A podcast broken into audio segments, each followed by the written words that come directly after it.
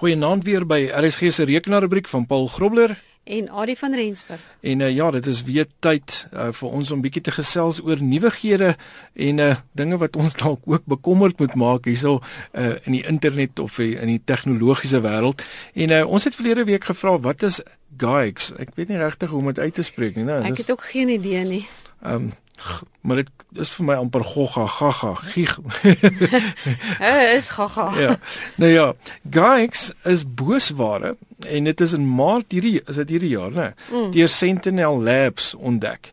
Nou hierdie is nie net jou gewone boosware nie. Hierdie is boos boos ja. boosware. Ja. Ehm um, maar baie gesofistikeerde boosware wat gevorderde ontduikingstegnieke gebruik om die so, um, om te sorg dat die dit nie opgespoor kan word deur antivirus en soortgelyke sagte ware nie. So dit gaan nou letterlik uit en dit soos ek weet nie wat om alles voor te stel maar dis soos dit dit kyk of iets dit probeer aanval of probeer uitvind oor dit en dit kan dit letterlik dan nou ontduik. Nou hierdie gesofistikeerde sagte ware is oorspronklik gebruik glo dit of nie deur die regerings vir spionasiedoeleindes. Uh, maar dit het uh, in die kuberkrakers se hande beland wat natuurlik 'n probleem is en nou word dit aangewend om kubermisdaad te pleeg. So nou is dit gesofistikeerde kubermisdaad. Ja.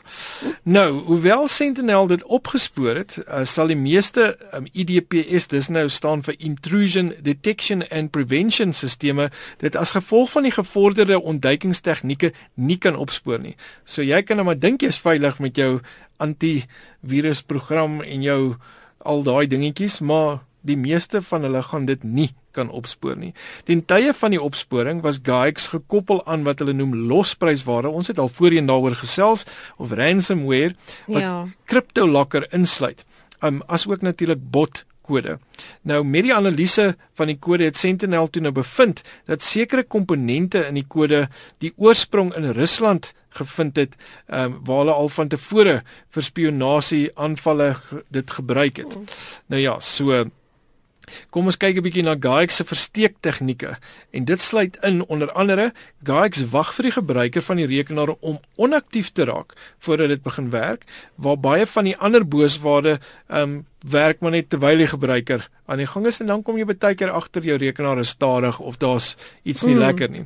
So GAIX wag vir wanneer jy nie besig is nie en dan dan spring hy in. Ehm um, dit gebruik ook uh, wat hulle noem 'n hooking bypass tegniek. Dit klink amper soos rugby. Ehm um, wat 'n logfout in Windows 7 en 8 uitbuit. En uh, dit begin dan byvoorbeeld as 'n 32 bus applikasie. Dit roep dan 'n 64 bus stelsel direk om die sekuriteitsmeganismes te ontduik en uh, wat dan nou kyk of daar 'n 32 bus program is wat op 'n 64 bus stelsel probeer hardloop. Nou hierdie klink verskriklik tegnies, uh, maar ek seker daarvan daar is daar buite is luisteraars wat definitief weet waarvan ons praat en uh, wat uh, gewoonlik die gebruiker is wat meer uh, wat makliker aangeval kan word deur hierdie juis as gevolg van ja, die tegnologie ja. wat hulle gebruik. Nou dit lyk vir my amper asof um, dit ook soort van 'n leiwag het. Ja, nou uh, glo dit of nie, sy naam is Yoda en soos wat ons ken en uh, maar hier speel hy nou die slegte rol wat die boosware aktiwiteite wegsteek deur die oorspronklike applikasie in seksies te verdeel en dan sekere seksies uit te trek en te gebruik wanneer die program hardloop. So baie slim manier mm. daarso. Ehm um, Nou ja, al hierdie wegsteek tegnieke is 'n neiging wat al hoe meer by die boosware voorkom. Nou dit voorkom opsporing en as dit wel opgespoor is, het dit ook wat hulle noem 'n anti-petering ingebou sodat jy nie ehm um, so die antivirusprogramme maatskappye nie kan uitvind presies hoe dit werk nie en dit glo dit of nie sluit ook dan nou wat hulle noem 'n anti-reverse engineering in. Nou um, anti-reverse engineering, al dis nou wanneer jy gaan of kom ons sê dan so reverse engineering mm. is wanneer jy gaan en jy vat iets wat klaar bestaan en jy werk dit terug om te kyk presies hoe dit in ja. mekaar gesit het. So jy vat hom terug na sy boublokkies toe en uh, ja, ja. Uit, uiteraard moet die maatskappye, die antivirusmaatskappye moet reverse engineering gebruik om te kan sien hoe dit werk. Uh, ja. Ja. Maar dis dieselfde soos byvoorbeeld nou kom, kom ons noem dit nou maar um, net om dit in konteks te sit. Ek dink daar's baie dames daar buite uh, wat koek bak Mm. So reverse engineering as dit nou by koekbak sou kom is as jy nou 'n klaargemaakte koek proe Mm. en jy werk dan nou terug wat het hierdie persoon dan nou alles Daar ingesit. daar ingesit. Ja. Natuurlik hoe hoe beter jou kennis is van koekbak, hoe makliker gaan dit vir jou wees om daai Mm. resep uit te s- om hom te reverse en- engineer. ja, om hom om hom nou terug te werk na sy na sy basiese bestanddele toe. So dis wat reverse engineering is en dis natuurlik iets wat maar wêreldwyd gebruik word wat enigiets aanbetref van van apparate wat gemaak word tot um virusse natuurlik tot um koekbak wat ook al die geval mag wees. So waar kan ons nou meer lees oor GAIX en wil ons meer lees oor GAIX? Wel, ehm um, gaan lees meer. Daar's die Sentinel Labs het natuurlik 'n uh, hele verslag daaroor gepubliseer. So daar is 'n uh, natuurlik 'n webwerf uh, www.sentinel-labs.com en dan is daar nou 'n uh, PDF dokument wat hulle gaan publiseer het op op internet. Ehm um, dan is daar 'n uh, interessante webwerf met die naam www.darkreading.com wat vir jou Dit klink donker. Ja, dit sê in dark reading en dan sê dit government grade stealth malware in hands of criminals. Hmm. So ja, dit wys jy maar net dit is baie dit is maar net baie sleg.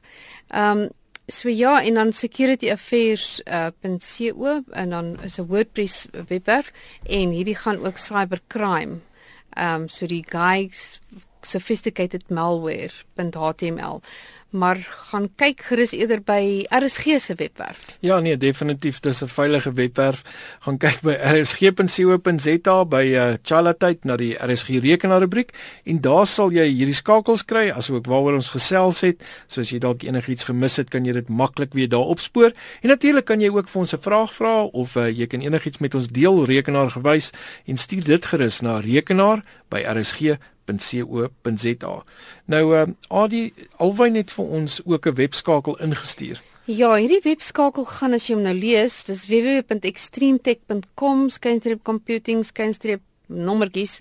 Uh Seagate start shipping 8 terabyte hard drives with 10 terabyte and hammer on the horizon. so um so dan is daar so dit, wys maar net vir jou dat daar 'n Ehm um, dit gaan oor harde skywe en dit gaan oor Western Digital spesifiek en dan Seagate. Mm -hmm. Nou hulle sê Western Digital het byvoorbeeld laas jaar 'n 6 'n 6 terabyte ehm um, harde skyf gemaak en die harde skyf, die daai daai hele die harde skyf, ons sê is ja. mos ja, is mos toegemaak. Ja, hy word geseël, ja. Ja, en, en daar dis met helium gevul. Nou soos jy daar So, gaan suig by 'n gaatjie gaan jy op so so snaaks begin praat. Daar behoort nie 'n gaatjie te wees nie. Ek dink as daar 'n gaatjie is, het jy probleme. Het jy ook nie meer helium daar binne nie, ja. En dan ja, en dan gaan die harde skyf dalk Nie ook maar groet, nie, ja. ja. Seagate sê hulle het nou ook begin om groter te maak, maar Seagate vergroot bloot die area digtheid Okay. om om meer in te pas. So interessant die helium. Ehm um, ek het ook nou nie was nie bewus daarvan tot ek nou tot albei nou die artikel aangestuur het nie. So ja, dankie albei vir die inligting. Ek het nou nog nie 'n 6 terabyte gesien nie, so ek weet my hardeskyf het nou nie helium in nie. Nou ek ek wonder nou daaroor, dink jy nou daai hardeskyf weeg ligter of gaan hy begin opstyg? Want helium Wel jy gaan 'n probleem hê as hy begin opstyg want hy is veronderstel om vas te sit iewers in 'n rekenaar. Kyk as jy So, helium mos ehm, in 'n ballon sit dan gaan hy boontoe. Ja, maar ek neem aan hierdie is redelik swaarder as 'n ballon en um, dit behoort nog op een plek Nou ja, dalk as jy 'n helium gevulde harde skyf het, laat weet ons of hy ligter weeg dalk as 'n gewone harde skyf. Um, en of jou harde skyf dalk so entjie bo die grond vlieg en of hy uh, wel vassit daar op jou rekenaar. Nou kortpad sleutels gou al die waar Wel as jy 'n fout of 'n leer wil herbenoem, dan gaan jy maar eenvoudig die ding selekteer en dan druk jy F2. Ehm um, dan as jy in Windows 8 die die Windows sleutel en uh die i saamdruk, dan kan jy die settings gaan oopmaak. Uh as jy die Windows sleutel en X druk, dan gaan jy die control panel device manager ehm um, in Windows 8 oopmaak. Shift en regsklik, dan kies jy die open command window om om enige plek 'n uh, command prompt oop te maak. Die Windows sleutel en tab gee vir jou 3D uh 'n view van alle oop vensters Okay. wat baie interessant is. Mm. -hmm. Nou ja, daar's so 'n paar wenke en net vinnige vraag, wat is die nuutste ontwikkeling in die harde skywe? En nee, dit is nie helium nie. Ons gesels volgende week daaroor. Tot dan, groete van Paul Grobler en Adie van Rensburg. Lekker aand.